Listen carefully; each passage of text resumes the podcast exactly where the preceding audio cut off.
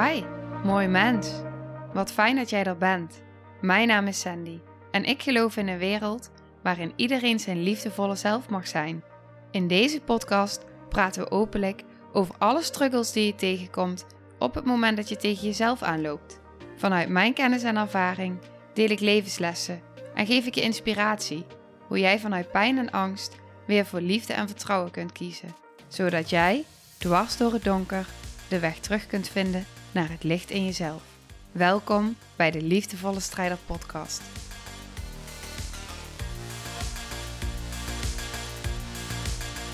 Welkom. Wat fijn dat je weer luistert. Ik hoop dat je op een puntje van je stoel zit als je zit, of dat je met gespitste oren gaat luisteren, want ik ga je meteen meenemen. Stel je voor, er komt iemand naar jou toe. Die komt bij jou op bezoek, die zit voor je en je vraagt: hoe gaat het met jou? En diegene die begint te vertellen en die vertelt eerst vanuit ook weer een beschermdeel. Ja, het gaat hartstikke goed en ik heb een baby en ik heb net een vrouw en het gaat allemaal prima. En terwijl hij aan het vertellen is, wordt hij steeds meer en meer en meer geraakt in emotie. Er speelt heel veel in zijn leven en hoe meer hij vertelt, hoe bozer hij eigenlijk wordt. Eigenlijk zit zijn emmertje gewoon tot de nok toe vol. En terwijl hij aan het vertellen is, is dat wat op dat moment ook omhoog komt. En hij raakt bozer en bozer en bozer. En op een gegeven moment komt er een punt dat hij zo boos wordt dat hij keihard tegen een stoel aantrapt. In jouw ruimte. Wat doet dat met jou? Wat is het eerste wat er in je opkomt? Op het moment dat iemand dus zo fysiek eigenlijk agressief reageert. Zet hem even op stil en sta er even een momentje bewust bij stil van: oké, wat doet dit nu met mij? Wat roept dit in me op? Mijn pad schrijf je het even op.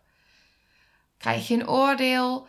Word je ook boos? Word je ook getriggerd? Merk je dat je juist heel erg rustig kan blijven? Dat je er goed mee kan omgaan? Of raakt het ook iets diepers in jou? Wat gebeurt er? Wat er heel vaak gebeurt, is dat op het moment dat iemand zich op een heftige manier gedraagt, een manier die misschien niet um, sociaal geaccepteerd is, met een stoel gooien of, of er tegen een stoel aan trappen, is niet per se heel erg geaccepteerd gedrag. Dus daar zit vaak een oordeel op en reageren wij ook weer vanuit ons gedrag. De kat die komt er even bij. dus die kun je misschien horen knorren. Oké. Stel je dan voor. Ik neem je mee visueel, hè? En hij gaat nou tegen de microfoon aanlopen. Ik zet hem even op pauze. Oké, ik heb hem even naast de microfoon gelegd. Maar hij kan nog wel eigenwijs zijn. Dus het zou zomaar kunnen dat hij zo weer uh, tegenaan komt lopen. Maar even terug naar mijn verhaal. Stel je voor dat jij ziet dat die persoon, die volwassen persoon, die wegloopt. En jij ziet in hoe hij wegloopt dat hij steeds kleiner en kleiner en kleiner en kleiner wordt. Zie maar hoe hij steeds jonger wordt en jonger en jonger. En stel je dan eens voor dat je achter hem aanloopt en dat hij op een stoel zit en dat er een klein jongetje jou aankijkt met betraande ogen, grote ogen. En hij kijkt jou aan en hij zegt: Ik ben bang. Hoe anders zou dat voelen als je beseft dat dat bange jongetje op dat moment reageert in die volwassen man die eigenlijk op dat moment met die stoel slaat of gooit? Hoe anders zou je dan reageren? En hoe reageer je vaak? En ook naar jou toe. Hè? Op het moment dat jij dit herkent. Dat jij voelt van, ik was soms zo overweldigd. En dan voel ik zoveel frustratie en ik kan het gewoon niet kwijt. Hoe reageert je omgeving dan op het moment dat je het wel uit? Ik las namelijk laatst een, ehm, of ja, ik was een, een, een les aan het volgen. En daarin werd gezegd, hoe moeilijker het kind, hoe groter het gevecht. En die zin die raakte mij enorm. En ik heb hem even vertaald naar ons volwassen zijn, ons volwassen leven, naar jou. hoe heftiger het gedrag, hoe groter de pijn erachter.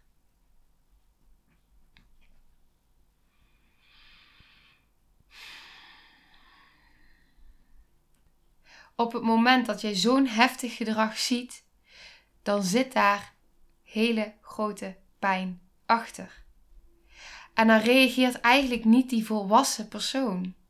Maar eigenlijk reageert daar dat innerlijk kind. Wat nog zoveel pijn ervaart en wat niet geheeld is. En zo op het moment dat jij bepaalde dingen, bepaalde pijn niet heelt, dan, heeft, dan blijft zeg maar die pijn eigenlijk, die blijft nog zo actief in jouw systeem. Die blijft jou overnemen op zo'n moment dat je getriggerd wordt, dat je geraakt wordt. En dan reageer je dus eigenlijk niet vanuit je volwassen liefdevolle deel, maar dan reageer je letterlijk vanuit dat kindsdeel. Dus wat ik met deze aflevering wil bereiken, is en een stukje erkenning aan jou als je jezelf hierin herkent. Dat het dus niet gek is als je jezelf soms verliest als je soms heel erg boos wordt, of als je soms met deuren gooit, of als je soms ja, met spullen gooit, op het moment dat jij voelt van het is nou zoveel. Eigenlijk zeg je op dat moment gewoon letterlijk: ik ben bang, ik voel me alleen, ik voel me eenzaam, ik heb hulp nodig. Zie mij, help mij, ben er voor mij. Dat is eigenlijk wat die persoon zegt. En dat is zo belangrijk om je te beseffen, ook in je relaties. Zowel met je partner, maar natuurlijk ook met je kinderen. Want op het moment dat jij kan beseffen van oké, weet je, iemand die vertoont nu heel heftig gedrag naar mij toe. Maar het is niet naar mij bedoeld en het is niet bewust om mij te kwetsen of om mij pijn te doen. Het komt letterlijk vanuit pijn van die ander. Ik heb wel eens een aflevering daarover opgenomen, over het pijnlichaam, over um, naar aanleiding van het boek wat ik had gelezen van Eckhart Tolle. Ik weet zo even niet hoe die aflevering heet, al een tijdje geleden. Maar um, die ging ook heel erg over, uh, over hoe dat dan werkt in relaties op het moment dat je dus allebei vanuit pijn gaat reageren op elkaar. En dat je dus ook letterlijk elkaar ook aantrekt omdat daar nog een bepaalde trilling zit, een bepaalde frequentie. En dus trek jij dat aan in relaties om het te kunnen helen. Omdat je elkaar daarin triggert. Dus er zitten heel veel lessen in op zo'n moment voor jezelf en voor die ander. Op het moment dat je het zo kan gaan zien.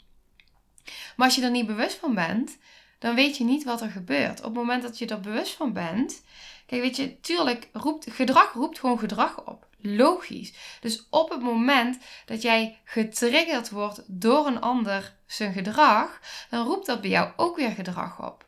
En dan is het aan jou, kun je op dat moment even stilstaan, even een seconde diep ademhalen. Geloof me, als je dat leert om even een seconde diep adem te halen, dan is er al ruimte ontstaan. En dan komt er een moment dat je kan gaan kiezen hoe je daarop gaat reageren. Want wat die ander nodig heeft op dat moment, of als je jezelf hierin herkent wat jij nodig hebt op dat moment, is dat de ander stabiliseert en dat de ander reguleert, dat de ander in rust blijft. Op het moment dat die ander ook gaat reageren vanuit getriggerd gedrag, vanuit pijn, dan explodeert het. En op het moment dat jij dus kan gaan zien dat hoe moeilijker het kind of hoe heftiger het gedrag van die persoon eigenlijk alleen maar zegt dat die persoon of dat kind in heel veel pijn is. In zichzelf. Dan kun je er al met andere ogen naar kijken. En op het moment dat je ergens met andere ogen naar kan kijken, kun je ook op een andere manier gaan reageren. En dat maakt dat je er zowel dat je bij jezelf kan blijven, dus dat je ook kan voelen op dat moment van oké, wat triggert dit nu in mij? Wat raakt dit nu in mij en wat zegt dat over mij? Dus op het moment dat je jezelf die ruimte kan geven, kan je en ook bij jezelf gaan voelen en reflecteren van oké, wat doet dit met mij? En heb ik hier nog iets in te doen? Word ik hierin geraakt? En hoe kan ik voor mezelf veiligheid creëren om bij mezelf te blijven, om hiermee om te gaan, zonder dat ik bij die ander erin meega? Want daar heeft niemand iets aan. En dat maakt ook dat die ander voelt dat jij in, bij jezelf blijft, in veiligheid blijft, waardoor die ander ook weer meer ruimte heeft om tot zichzelf te kunnen komen. Dus. En daarin is het denk ik heel erg belangrijk, als je er op dat moment voor een ander wil zijn, is om dus niet te schieten in ik ga je helpen, ik ga het wel fixen, maar om vanuit jouw veilige basis, vanuit jouw stabiliteit, vanuit jouw zijn, aanwezig te zijn. Bij jezelf blijven en vanuit daar er voor de ander te kunnen zijn.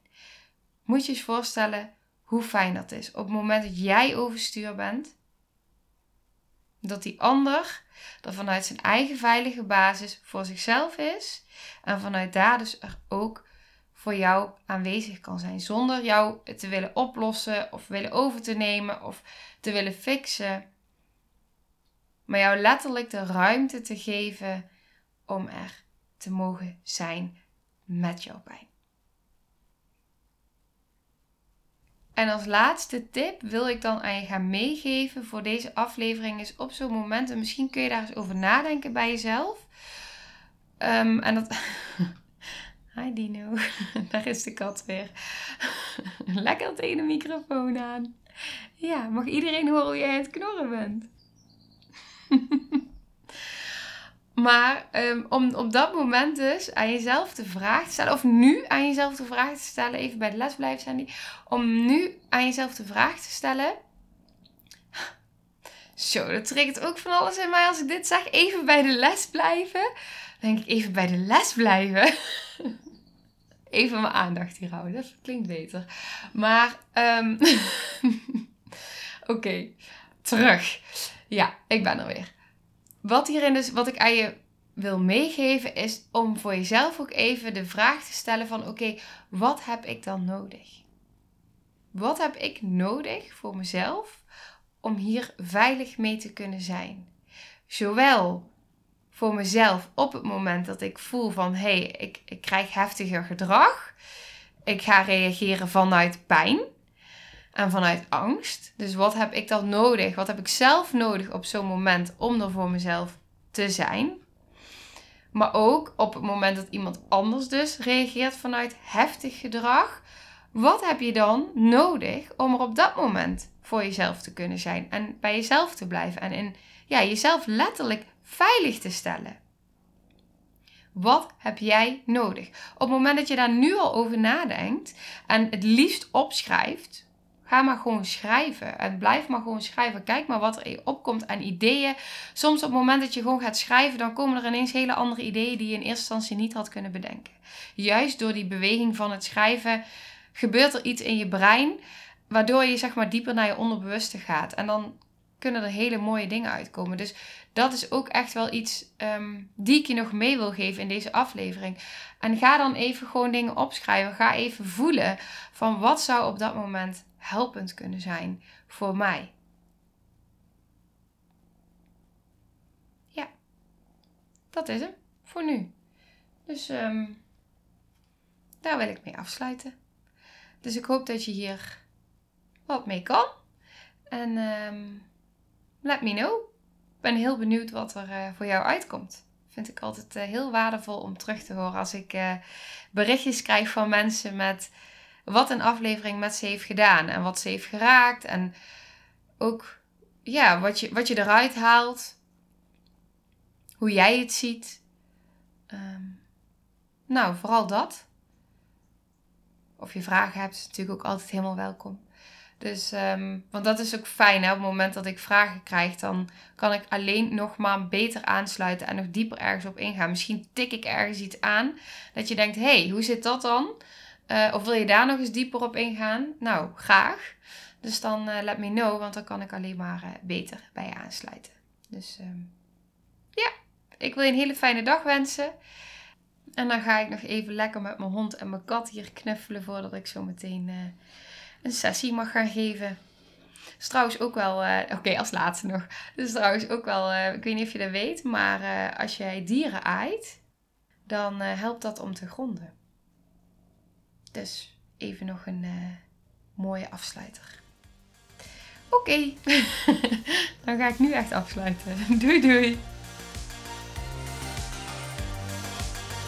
Nou, lieve mensen, ontzettend bedankt voor het luisteren. Ik ben heel benieuwd wat je van de aflevering vond en welk inzicht je eruit hebt gehaald. Mocht je nog vragen hebben of is er een onderwerp waar je meer over wilt weten, laat het me dan weten. En wie weet neem ik het mee in een van de volgende afleveringen. Als je het leuk vindt, kun je de aflevering delen of maak een screenshot en tag me op Instagram. Want ik vind het echt super tof om te zien wie er luistert. De link van mijn Instagram staat in de beschrijving bij de podcast. En wil je blijvend geïnspireerd worden? Klik dan op abonneer of volgen in de podcast-app waarmee je luistert. Dat zouden ik en alle toekomstige luisteraars enorm waarderen. Want dat zorgt er namelijk voor dat de podcast beter gevonden wordt. Nogmaals, dankjewel voor het luisteren en heel graag tot de volgende aflevering.